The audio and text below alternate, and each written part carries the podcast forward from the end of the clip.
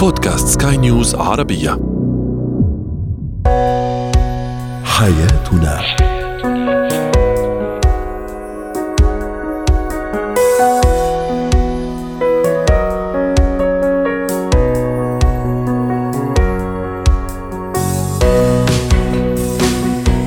مستمعينا الكرام أهلا بكم معنا إلى حياتنا. فضاؤكم اليومي الذي يعنى بشؤون الأسرة وباقي الشؤون الحياتية الأخرى والذي يمكنكم الاستماع إليه عبر منصة سكاي نيوز عربية dot com slash podcast وباقي منصات سكاي نيوز العربيه الأخرى. شاركونا عبر رقم الواتساب 00971 561 ثلاثة.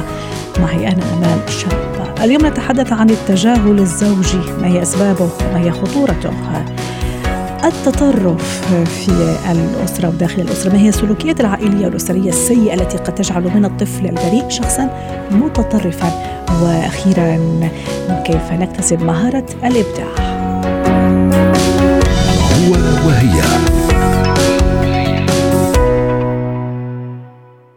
التجاهل الزوجي. ما هي صفاته كيف أعرف أن الطرف الآخر الزوج أو الزوجة فعلا يمارس هذا النوع من التجاهل وما هي خطورته على الحياة الأسرية. رحبوا معي بدكتور شافع النيادي الخبير في العلاقات الزوجية والأسرية ضيفي العزيز. أهلا وسهلا دكتور شافع. ماذا يعني التجاهل الزوجي؟ السلام عليكم ورحمة الله وبركاته. أهلا وسهلا عليكم السلام. يا جماعة أمان طيبة كل خير وبركة طبعا مسألة التجاهل التجاهل أمان هو سلاح ذو حدين. ففي تجاهل إيجابي في تجاهل سلبي. آه ونحن دائما نطلق تجاهل والتغافل عن بعض الهفوات في العلاقات الخارجية. في الحياة الزوجية نحتاج لبعض الأمور أن يعني آه، لا نتجاهلها خاصة من المشاعر. يعني في أمور في نقاط رئيسية. إذا تجاهلها شريك الحياة فتدل على عدم حبه، عدم اهتمامه، عدم رضا عن شريك الحياة وما شابه ذلك. أما التجاهل المحمود له في بعض الهفوات، بعض الخطأ البسيطة التي لا تؤثر مع الوقت على العلاقة الزوجية والحب والود، ممكن أتجاهل خطأ بسيط شيء ممكن، لكن نقصد هنا بعض بعض الأمور في حياتي الزوجية مثلا زعل أو خصام أو مقاطعة. أو إذا الإنسان هذا تجاهلها هذا مع الوقت تتحول إلى فجوة كبيرة صح. ما بين الزوجين. فهنا النقاط في أمورنا البعض يمكن يقول والله لازم نحن نتجاهل مو بكل شيء يتجاهل. مشاعر الإنسان إذا أنا تجاهلتها بتصير كره بصير حقد ممكن حتى صدقيني يا أختي امال ممكن شريك الحياة يشوف قدامه وحش أمامه. لماذا؟ بسبب هذه الفجوة وعدم التواصل وعدم الحوار وسبب جاه لأن إذا أنا تجاهلت هذا الإنسان في مشاعره في حبه فدليل عن إني ما أحبه دليل إني ما أكرهها أو اني بانات أنا ما مهتم فيك تكون. لكن الحين يعني الطرف الآخر يعني الزوج أو الزوجه لما تيجي مثلا تحكي له هالمشكلة يقول لك يا أخي أو يا أختي أنا هذه طريقتي في التعبير أو هذه طريقتي في إبداء المشاعر مو شرط إني أحكي مو شرط إني أتكلم مو شرط إني أهتم بشكل آه، يعني آه، مستمر. يعني أحيانا أنا ما عم ببرر طبعا بس حاول إني آه، يعني أنقل ما يقوله البعض. طبعا أكيد التجاهل شيء كثير سيء. دكتور شافع إيش الحل أحاور أتكلم. طيب حاورت لكن يعني ما في نتيجة. شو المرحلة يعني الجاية؟ شو النكست أنا أقول لابد من عملية المبادرة في كسر هذا التجاهل، لابد من عملية المبادرة لأن الجلوس على هذا الوضع يجعل فجوة كبيرة ما بين الزوجين. فلابد إن حتى الشركات لابد إن يكون في لطف، في إيجابية، في تفاؤل ما بينهم، هذه حياة زوجية، أنا أتعامل مع إنسان اخت امال ما أتعامل مع يوم ويومين، هذا إنسان شريك حياة عمر سنوات، عقود من الزمن. بعدين لا أنتظر رد الجميل مباشرة ما بين هذا الإنسان، دائما أتعامل الإنسان بناء بناء على الحب ونخفف شوي من التوقعات الذي نحن نراها خاصة على مواقع التواصل وهذه المقارنات. كثير بعض الشخصيات يبغى شريك الحياة نسخة من الآخرين أو ما هو يبدي لهذا شريك الحياة أنا مثل ما أرى. فنخفف شوي من التوقعات المثالية من من شريك الحياة، أحترم شخصية شريك الحياة لذاته لأن مهما كان ممكن في بعض الهفوات ممكن بعض الأخطاء لكن بينه وياه عشرة عمر في نقاط كثيرة وإيجابيات كثيرة ممكن الحوار ثم الحوار ثم الحوار. تاكدوا والله يعني ممكن بعض الأمور ياخذ تجاهل أنا أقول التجاهل يزيد قسوة ويزيد عنف ويزيد كره للطرف الآخر. أعطي بعدين حتى في بعض النقود أعطي شريك الحياة نوع من الوقت. صح. ممكن هذا اللي كنت راح أقول اعطيه نوع من الوقت نوع من المساحة. أكيد. الانتباه كمان للسلوك هذا هذا الشريك المتجاهل. بمعنى نعم. هل هو يتجاهل مثلا طول الوقت أو هي تتجاهل طول الوقت أم فقط عند طرح مواضيع معينة ممكن يعني يشعر أنه تشعر مما تستحق الحديث عنها؟ هل يتجاهل فقط لما يكون الحديث بينه وبين هذا شريكه ولا يعني مع الكل؟ عرفت كيف؟ يعني مراقبة سلوك هذا الشريك المتجاهل ممكن راح يعني تفسر لنا أشياء كثيرة وتقودنا لمعرفة السبب وبالتالي يعني تلافي هذا السبب. نعم لا بعدين أنظر أحيانا تجاه الطرف الآخر. يمكن رسالة مبطنه بأني أنا عندي سلوكيات سلبية. الطرف الآخر ما حابنها فأعيد في نفسي وأعيد بعض النقاط سلوكياتي. ممكن فيها نوع من الخطا ما حد معصوم من الخطا فأنظر مع نفسي وبعدين أفهم تقلبات مزاج هذا الشخص المرأة لها أوقات قد تكون عندها نوع من التقلبات المزاجية. الرجل يختلف بتقلبات المزاج فلابد أشوف الطرف الآخر هذا تقلبات قد يكون المرأة في فترة الولادة في فترة قد يكون الرجل في فترة أزمة أمور المالية فهذه المزاجات لابد أن أراعيها في تقلبها، نريد تواصل بذكاء، نريد حوار، نريد حب، أنا أقول الحياة الزوجية عظيمة، الحياة الزوجية رائعة، الحياة الزوجية رائعة. بس نحن لا نطلب مثاليات ولا ولا ولا نرفع توقعاتنا بشكل خيالي عن الحياة الزوجية. على أساس تستمر الحياة الزوجية، لا نماطل، لا نماطل في عملية آه، التأجيل في مسألة هذا التجاهل، البعض آه، آمال عندي ما مشكلة بس ابى هذا الأسبوع بعدين الأسبوع الثاني مع الوقت طاهي بيشوف أن أنا ما أقادر وكل البعض ما يرجع والله نحن مضروبين بعين والله نحن مسوي لنا عمل. أنا أقول انظروا لسلوكياتكم أنتم ما مش لا لا لأني بعض الأمور شماعه نعلق عليها أخطائنا وسلوكياتنا في الموضوع هذا. نعم. آه تجاهلي ترى مش حل مش علاج للموضوع. نحن قلنا التجاهل في امور التوافي لكن في مشاعري الطرف الآخر يهمني. أنا الطرف الآخر اخت امال أحبه شريك حياتي عمري. فإذا أنا من النوع هذا اللي أنا تجاهلتها الآن ماذا ننتظر؟ فلا فلا فلا نعامل بهذا الموضوع. في نريد احترام في نريد معادلة في نريد نحل المشكلات والنزاعات بس بدون تجاهل. في خلاف في مشاكل. أنا لا, لا أطلب من شريك الحياة يكون آه، في أمال كأنه آه، يعني آه، خالي من الأخطاء ومن المشاكل وما شابه ذلك. فرجها نعزز هذه الثقة ما بيننا وخلال هذا التواصل. أريد علاقة صحية. هذا الموضوع. شكرا لك دكتور شافع عنيدي وأتمنى لك كل الخير وأتمنى لكم قد سعيدة. زينة الحياة. اليوم نتحدث عن التطرف تطرف الطفل. ما الذي يجعل هذا الطفل هذه الشخصية البريئة تتحول إلى شخصية متطرفة؟ دعونا نتحدث عن هذا الموضوع من داخل الأسرة. سلوكيات عائلية سلوكيات أسرية قد يسلكها الأب الأم تجعل من هذه الشخصية البريئة. شخص متطرف. رحبوا معي بريم صابوني الاستشارية النفسية والتربوية ضيفتي العزيزة من القاهرة. أستاذة ريم أهلا وسهلا بك معنا اليوم. معقول طفل بريء يعني كل همه لعب وضحك ومرح بسلوكيات معينة وبأفكار معينة أنا لا إراديا لا شعوريا في كثير من الأحيان تجعل منه شخص متطرف مستقبلا أو حتى يمكن بوادر هذا التطرف تبدأ تتبلور حتى وهو صغير؟ سوء سلوك أو تصرفات الطفل الطفل عادة نحن بنعتبره شيء تصرف عادي ومقبول ومتوقع. لكن نحن هون عم نحكي عن تطرفات في السلوك. يعني أن يصل آه، سوء السلوك إلى حد غير مقبول. أن يصل الطفل إلى حد إيذاء النفس إيذاء الآخرين آه، كسر القواعد والقوانين المجتمعية والاعراف والتقاليد.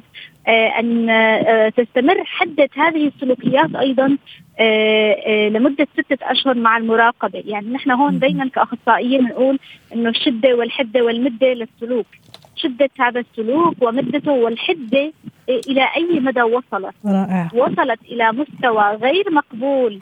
آه، فيه إيذاء فيه آه، تخريب. آه، في في بعض السلوكيات نرصدها مثلا تصل لحد السرقة استخدام السلاح استخدام بعض المواد الكحولية التدخين الانحرافات التي تصل إلى حد الهروب مثلا من المدرسة كسر القواعد القوانين الضرب الإيذاء.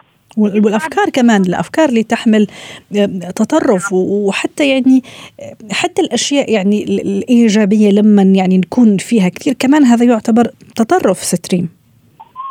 نعم السلوك أصلا لا يتطرف إلا ويكون وراءه فكرة متطرفة أساسا. يعني عندنا أفكار تؤدي إلى سلوكيات متطرفة. آه طبعا هون في عدة عوامل يعني بدنا نحكي عن عوامل منها العوامل البيئية منها نوعيه التربية الوالدية آه منها أحيانا أسباب جينية وراثية قد يكون أحد الوالدين يعني مصاب باضطراب نفسي فيكون آه إصابة الأطفال بالاضطرابات أكثر يعني شيوعا. آه لكن في المستوى إذا كنا عم نقول إنه الطفل بدأت تظهر عليه سلوكيات عنيفة معادية للمجتمع سلوكيات فيها إيذاء للآخرين والنفس. آه وما في أي عامل وراثي فنحن هون نلجأ إلى البحث في الأسباب البيئية والنوع التربية الوالدية. يعني هون بدنا نكون كثير حريصين وحذرين إلى آه آه العودة بالتاريخ الأسري لهذا الطفل. ما هو نوع التربية التي يتعرض لها الطفل؟ هل هنالك إهمال شديد؟ هل هنالك أب معنف؟ هل هنالك نوع من أنواع الإيذاء الجسدي لهذا الطفل؟ هل هنالك دلع زائد وعدم اهتمام وإهمال؟ نحن دائما التطرف أو أو الأخذ الإكستريم بنوع المعاملة الوالدية بيعطي أحيانا نتائج مشابهة. يعني مثلا إذا كان عندنا طفل مهمل جدا لدرجة إنه هو أصلا متروك مو معروف أصلا هو إذا له روتين يومي إذا في أصلا رعاية يتم يعني الطفل الخضوع لها. وبالمناسبة نحن عم نحكي عن عشر سنين فما فوق يعني طفولة متوسطة ومراهقة أيضا. آه تحت نحن ما يعني بنبدأ بس يعني تحت العشر سنين بنبدأ بس نرفض السلوكيات. لكن لا نصل إلى تقييم السلوك على أنه اضطراب إلى بعد العشر سنين. نبدأ هون بالتشخيص و و و والتسمية. نعم. آه قد يكون الطفل بالمناسبة عنده فرط حركة. يعني هو مشخص أصلا اي دي اتش دي فالأطفال المصابين بفرط الحركة مع تشتت الانتباه أكثر عرضة ل سوء السلوك الانفعالي. نحن عم نتحدث عن سلوك وانفعال آه يعني اضطراب سلوكي مشاعري بنفس الوقت. أستاذ ريم كمان فكرة إنه يعني نخلي عيننا على الأطفال على أطفالنا مع مين عم يحكي. أصحابه كمان اصدقائه وزملائه يعني شو المواضيع اللي عم يحكوا فيها؟ هل مواضيعهم ممكن تقودهم ل يعني فكرة متطرفة؟ ما. نعم. الإنترنت كمان فضاءات الإنترنت كمان ممكن لأنه كمان صارت في السنوات الأخيرة يعني طريقة سهلة في بعض يصطاد ضحاياه من الأطفال لزرع أفكار متطرفة. شو ما كانت هذا الأفكار ففكرة مراقبة الأطفال وعيننا عليهم هذا شيء كثير كثير كثير ضروري. نعم نحن أشرنا إلى أنه احد الأسباب قد تكون بيئية. فمن نعم. أسباب إحاطة الطفل ببيئة صحية سليمة هي هي أكثر يعني قدرة على أبعاد الطفل عن سوء السلوك والاضطراب السلوكي لكن كل ما كان هذا الطفل منغمس في بيئة محرضة على العنف والعدوان وعلى الإيذاء وعلى الأفكار السلبية الهدامة آه على السلوكيات الغير مقبولة اجتماعيا التي لا تت... التي تتنافى مع الأعراف والتقاليد وتتنافى أيضا مع التعاليم الدينية. آه كل ما كان هذا الطفل أكثر استجابة وأكثر ميولا نحو الاضطراب السلوكي وعلى فكرة الاضطراب السلوكي قد يؤدي فيما بعد إلى الاضطراب النفسي. آه وإذا كانت بيئة المنزل آه كمان غير ما فيها رقابة أصلا في انعدام للرقابة. آه كما أشرت إلى أن نوع التربية الوالدية يساهم آه إذا كان فيه إهمال أو إذا كان في عندنا أب مدمن مثلا آه أب مسافر مش متواجد في انفصال بين الأبوين سواء كان انفصال بالمناسبة حقيقي أو انفصال مجازي أو انفصال نحن نسميه عاطفي يعني. فكل هي العوامل طبعا أدعى إنها تدفع بالطفل نحو الاضطراب والميل نحو الاضطراب. لكن على فكرة التدخل المبكر بيجيب نتيجة رائعة جدا. يعني إحنا كل ما بدأنا برصد هذه السلوكيات حتى لو كانت بدأت بالمستوى الخفيف الأولي يعني ولكن كلما بدأنا برصد هذه السلوكيات وبدأنا بالتدخل المبكر وطبعا وبدأنا بالعلاج هنالك علاج يتم علاج السلوك العلاج السلوكي المعرفي مع تقديم الإرشاد اي شو ممكن يعني كيف تكون طريقة العلاج لهذا الطفل اللي فعلا شخصيته بدأت تتبلور وبديت أنا أحس أنه هو شخص متطرف أو هو طفل متطرف لأفكاره يعني شو ما كانت هذه الأفكار. لكن في نوع من التطرف في في شخصيته في أفكاره. العلاج يتم على عدة مستويات. العلاج الفردي يتم عن طريق العلاج السلوكي الانفعالي. نعالج نعم. السلوك من خلال جلسات تعديل السلوك نعم. آه ووضع هذا الطفل في بيئة إيجابية أو بيئة أطفال وبيئة متوازنة كمان لأنه عكس التطرف والتوازن والشيء المتوازن باختصار ستريم. صحيح تماما. آه، آه، آه، يعني غمس الطفل في بيئة متوازنة إيجابية مع تعزيز السلوكيات الإيجابية والقيام بالحرمان والعقوبة أيضا للسلوكيات الخاطئة. نعم. يعني نمارس الثواب والعقاب مع الحرمان أيضا لبعض السلوكيات الخاطئة. نحاول أيضا أن نقوم بالعلاج الأسري. يعني تخضع الأسرة كلها لجلسات الإرشاد الأسري. من أجل آه، تفادي آه، آه، إنه البيئة تكون أصلا سامه ومشجعة على العنف والعدوان. حتى لا ينتقل هذا التطرف من هؤلاء الأفراد افراد الأسرة إلى الأطفال. شكرا لك أستاذة ريم صابوني الخبيرة التربوية ضيفتي العزيزة من القاهرة وأتمنى لك أوقات سعيدة. مهارات الحياة. ماذا يعني أن أكون شخص مبدع هل أي واحد فينا ممكن أن يكون كذلك ولما أحب أو أقرر أكون مبدعة يعني في مجال شو هي هذه الخطوات؟ رحبوا معي برزان الكيلاني مدربة مهارات حياة ضيفتي العزيزة من عمان هذه المرة أهلا وسهلا برزان شو يعني أكون مبدع؟ أي واحد فينا ممكن يكون مبدع ست رزان؟ في الحقيقة كل إنسان في عنده مستودع إبداع يا سلام. هو جهل هذا الموضوع. جميل. طيب كيف أطلع هذا الإبداع من هذا المستودع يا ست رزان؟ تمام. هلا كيف بدنا نطلع هذا الإبداع؟ أو كيف بدي أعرف؟ أو كيف بدي أتحد معاه؟ أو أتعرف عليه؟ هلا أنا كشخص آه، آه، يعني مثلا في حياتي ما ما نظرت لنفسي على إني مبدع. هلأ هاي النظرة ممكن تكون تربية وممكن تكون فعلا قلة وعي يعني قلة وعي عاطفي. بمعنى الشخص مش واعي على نفسه ما بيعرف شو الأشياء اللي هي بتهيج آه، عواطفه الإيجابية. يعني مثلا الأشياء اللي بتشعره إنه قوي أو اللي بتشعره إنه هو آه، عنده حس مرهف وبياخذ عليها مدح من الآخرين. صح كأن يقول مثلا أحدهم مثلا أقول لك رزان والله أنت مبدعه في هالمجال. قولي لي معقول؟ أها. يعني طبعا. معقول؟ طبعا. صح. طبعا.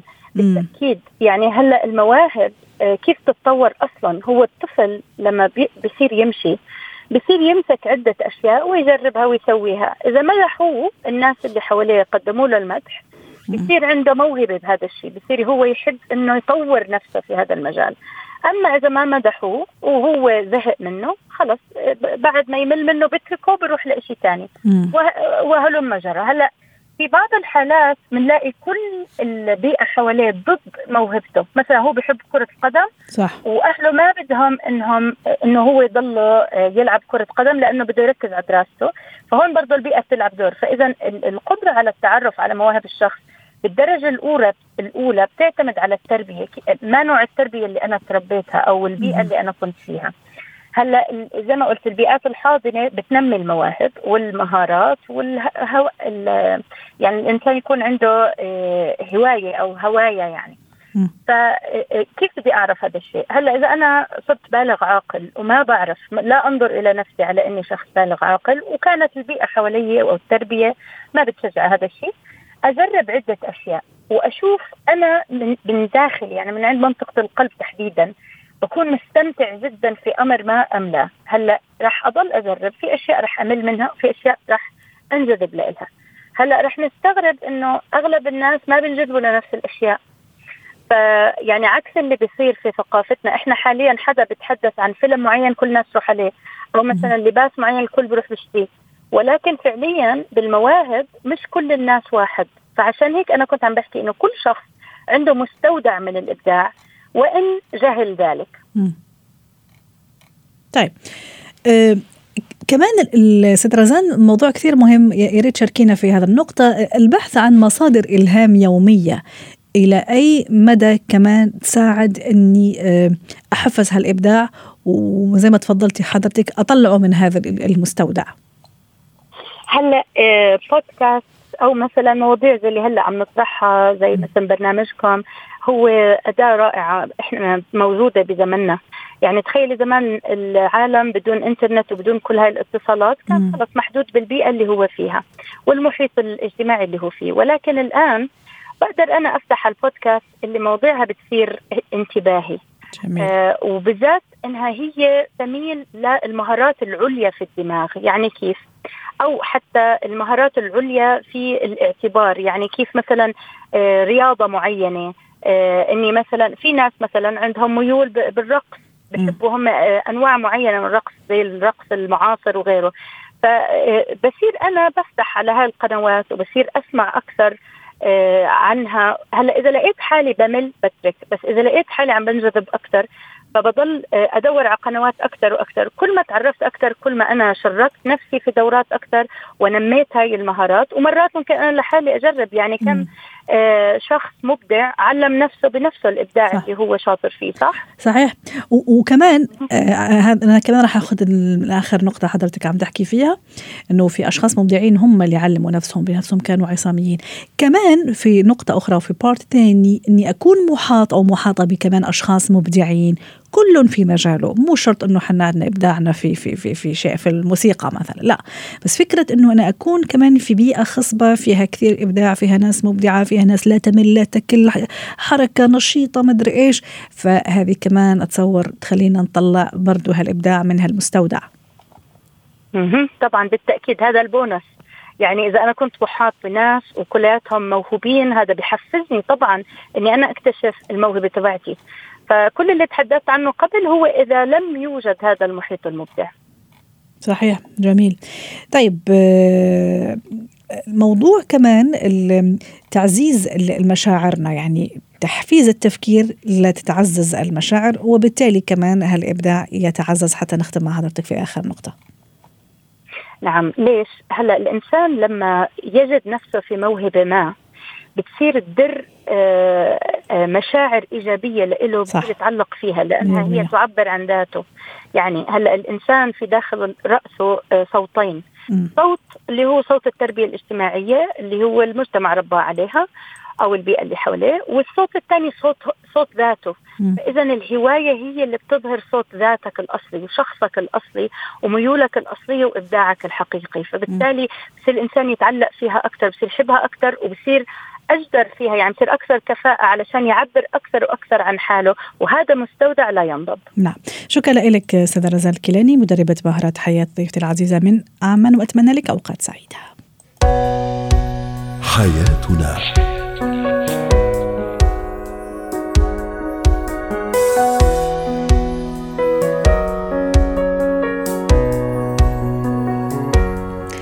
ختم حلقة اليوم من حياتنا. شكرا لكم وإلى اللقاء.